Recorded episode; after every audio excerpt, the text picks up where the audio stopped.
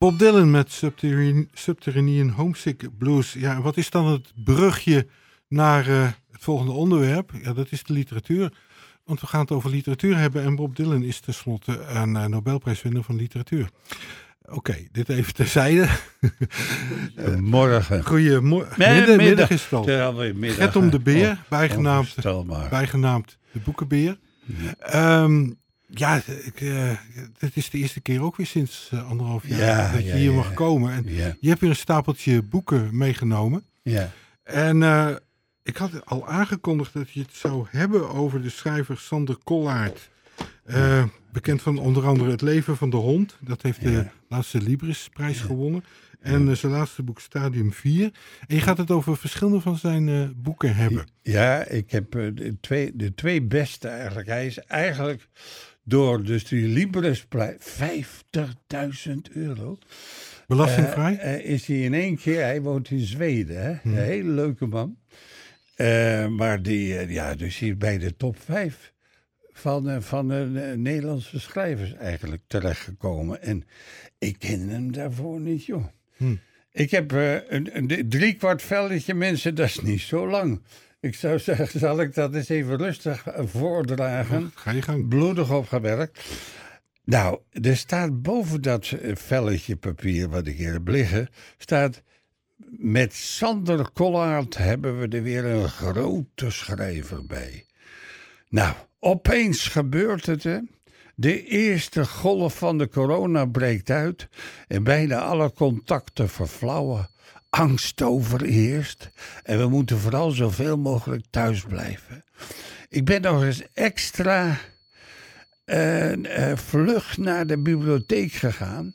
En toen lag daar opeens het boek van de maand.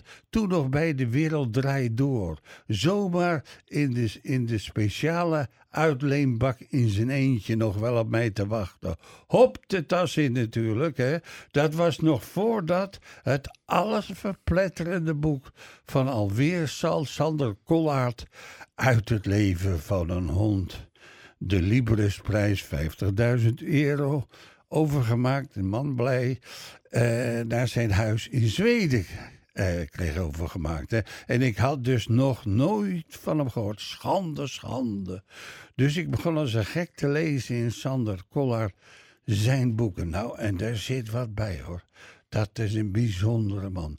Sander Kollard is een alleraardigste, in Amstelveen geboren, bescheiden man die geschiedenis studeerde in Amsterdam. In Tirade debuteerde en enige tijd terug met vrouw en drie kinderen zijn heil zocht in een voormalige pastorie in Zweden. En toen ik voor het eerst op zijn boek Stadium 4 stuitte, werd ik meteen, dacht ik meteen, wist ik meteen, dit, dit, wordt een hele grote, van uh, eigen bodem nog wel. Een soort vestdijk, maar dan anders. Schrijven vanuit het hart, maar met het hoofd. Dat levert altijd de mooiste literatuur op. Dat riep het Dagblad Trouw onmiddellijk in een recensie toen het boek verscheen. En na uh, lezing van Uit het leven van een hond, zijn laatste bekroonde boek tussen, van 156 boeiende bladzijden, wist ik het helemaal zeker. Sander Kollard behoort voortaan tenminste bij de Vaderlandse top 5. Uh, eh, alles, misschien wel de top 3. Om hem speciaal bij u aan te bevelen, maak ik deze keer een uitzondering met twee korte recensies. Twee boeken. Op één voorwaarde. Voortaan uh, telt hij altijd in ons geheugen mee. Stadium 4 heet het ene boek, het zware boek. En Vooruit het leven van een hond uh, heet het andere boek. Het geldt zeker. Het geldt voor het ziekte. De stadium 4 is over, het gaat over het ziektebeeld van de vrouw van Barend Vervoort. Sari. De diagnose luidt longcarcinoom. Ze gaat sterven. Maar in plaats van nog eens een behandeling kiest zij voor een reis terug naar het Zweedse Åland, waar zij en haar man elkaar ooit ontmoet hebben in de zomer van 1968. Het wordt een wonderlijke reis in een zorgvuldig uitgekozen tweedehands camper in dat idyllische zomerlandschap waar ze in de tijd verliefd werden en nu afscheid van elkaar moeten nemen. Collard is de held die, de, die dit uiterst moeilijke thema ter hand te nemen, maar daarin ook nog met vlag en wimpel slaagt. In prachtige taal, in tedere herinneringen en meeslepende momenten op Åland. Het eiland van de beroemde Niels Holgersson. Eh, eh, in, van, van, en, en, en van Maarten achter en Akka en al die figuren die we op de tekenfilm op televisie zo populair allemaal alle kinderen hebben dat in ieder geval gezien en, maar ook over een zee zo glad als een spiegel. De beroemde schrijfster van weleer, Selma Kagel, Lagerhof, uh, wacht even, dan moet ik eventjes goed kijken, want ik heb mijn bril vergeten. Lagerhof, Luf, ja, de, uh, uh, liet een herder over dat eiland nog eens vertellen dat het ontstaan is uit het lijf van een reusachtige vlinder. En op dat eiland dwarrelt de zieke Sari na veel gelukkige momenten toch nog onverwacht haar dood tegemoet. Loodzwaar en soms vederlicht en vooral nooit langdradig, maar wel eerlijk, meeslepend en verrassend ontroerend. Dat is stadium 4, uitgeverij van Oorschot. En dan moet u allemaal nou eens een keertje gaan halen bij de biep of in de boekenwinkel. Of anders uit het leven van een hond. Dat is leuk te, te scoren. Dat is leuk om mensen. Simpel, helder, filosofisch en zonder poespas beschreven. Het bestaat eigenlijk slechts uit één zaterdag uit het leven van Henk Doorn, IC-verpleegkundige, alleenstaand. Hij wordt wakker, ontbijt, laat de hond uit, doet boodschappen, bezoekt een oud collega enzovoort. Maar het wordt alles behalve een gewone zaterdag als Henks hond ziek blijkt. Het dier zal sterven, niet vandaag of morgen, maar binnen afzienbare, binnen afzienbare tijd. En dat gegeven gaat als een sleepnet over de bodem van de dag en haalt het gebruikelijke verdriet naar de oppervlakte, dat de tijd maar één richting kent. Dat we zo kwetsbaar zijn, dat we zo eenzaam zijn, hoeveel liefde we ook vinden.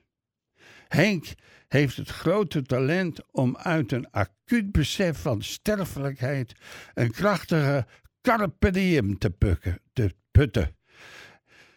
Leven, leven ten volle, zegt hij. En juist dat maakt uit het leven van het tegenovergestelde van een. maakt het boek juist het tegenovergestelde van een verdrietig boek. Ik werd er al doorlezend steeds vrolijker van. Aan het eind van de dag zien we Henk in helderziende dronkenschap met zijn hond op de bank. Wat was dit voor een dag? vraagt hij zich af. Een reinigende dag? Een kartasis? Niks hoor, het was simpelweg een dag of zeg maar tijd die voorbij ging. Gewoon over het leven dat geleefd werd. Maar dan zo mooi opgeschreven dat iedereen weer zin krijgt in dat leven.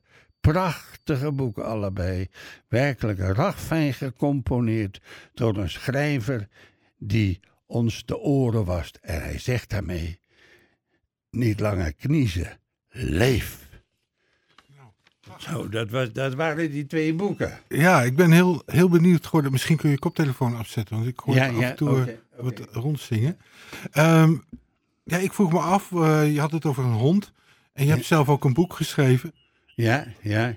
Ja, dat gaat dan weer over wolven. Ja, nou, ik wil even, um, mocht de luisteraar iets horen? Ik geloof dat je een gehoorapparaat in hebt. Ja, ja, die zit er nu in. Uh, die uh, dat zingt rond, maar goed. Ja, en nu niet meer. Nee, nu niet meer, gelukkig.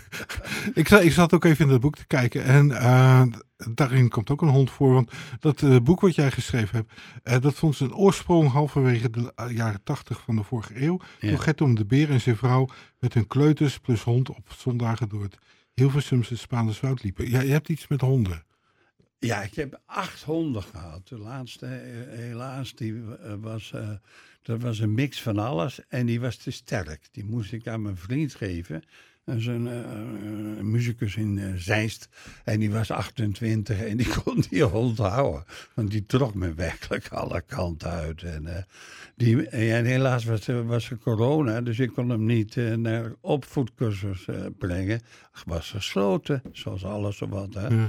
Dus eh, ja, maar ik heb, kijk, en, en, en de- wolven, nou nu heb je dat boekje van die wolven, wolven in de polder heet dat, hè. Zijn er maar een paar honderd verkocht nog, maar in België en Nederland hebben we, alle bibliotheken hebben, hebben ontzettend veel, mijn zoon en ik, z- veel beleefd, eh, lol aan beleefd. Waarom nou? Mijn zoon is ook gek op honden. En de beste hond die we kennen in de wereld is de wolf. De wolf heeft de beste neus, de beste ogen, de beste oren. En hij is bovendien zeer sociaal. En hij ontwijkt mensen. En er is zoveel over de wolf te vertellen. Dus ik heb 25 boeken eh, gelezen over, over de wolf voordat ik begon. En alle wolvenparken zo'n beetje bezocht. Hè. En eh, het werkelijk, ze zijn fascinerend. De wolven, dat is echt. eh, ja, als ze, ze, ze, ze pakken bijvoorbeeld 70 kilometer per dag. Eh, begraven hun eten onderweg als ze genoeg hebben. En als ze terugkomen, graven ze het weer op. Ah, ze zijn slim. Ze zijn aardig voor hun kinderen. Het is echt eh, heel bijzonder. Ja, ja. ja waarom, eh, waarom geen katten? Ja, kijk, bij katten hebben, als je doodgaat, dan wordt je lichaam koud. En dan gaat de kat van je lichaam af. Maar de hond blijft drie dagen bij je liggen janken. En dat is het eigenlijk het verschil. Een hond eh, verbindt zich aan je. Is altijd blij als je thuis komt. Dus ik ja, heb zulke leuke honden gehad. Dat waren gezinsleden natuurlijk. Hè. Meestal werden ze 13 jaar, wat oud is voor een hond. Want je moet ze met zeven vermenigvuldigen. Hè. Dus dat is 91, dat is best een aardige leeftijd, niet? Ja. Ja, nou, dat boek, eh, ja, dat is eigenlijk geschreven voor eh, kinderen die van, eh, voor jeugdige wolvenfans staat eh, op de flap. ja. Het, het is een kinderboek, maar eh, ehm, ja, ik heb het nog niet gelezen. Maar Nee, nee. ja, als, als ouders kinderen Roodkapje voorlezen, dan kunnen de kinderen misschien niet in slaap komen. Ehm, geldt dat ook voor dit boek? Nee, nee. Dit boek zit vol emoties. En, nee, zeker niet. En, goed, ze moeten eten en ze, ze, ze pakken soms een hertje over. Maar het zijn altijd de exemplaren die toch aan de beurt zijn, die, die iets mankeren. En, die, eh, en dat doen ze, nemen echt bewust. Nou ja, ze, ze proberen te pakken wat ze krijgen kunnen. Ja. Maar eh, het zijn me- ze, houden de. Er staat voorin staat. eh, eh, er staat een spreuk, ietsje terug. Ja, helemaal in het begin. Ja, dat ja. Eh, lees eens voor. Waar de wolf leeft, groeit het bos. Juist. Waar de wolf, en dat zeggen alle bo- boswachters hoor. Ja. Dus waar de wolf, want die houden namelijk de boel gezond in het bos. Dan kan je natuurlijk de koning wel op eh, een hoop eh, wilde zwijnen laten jagen. En het voor het publiek sluiten.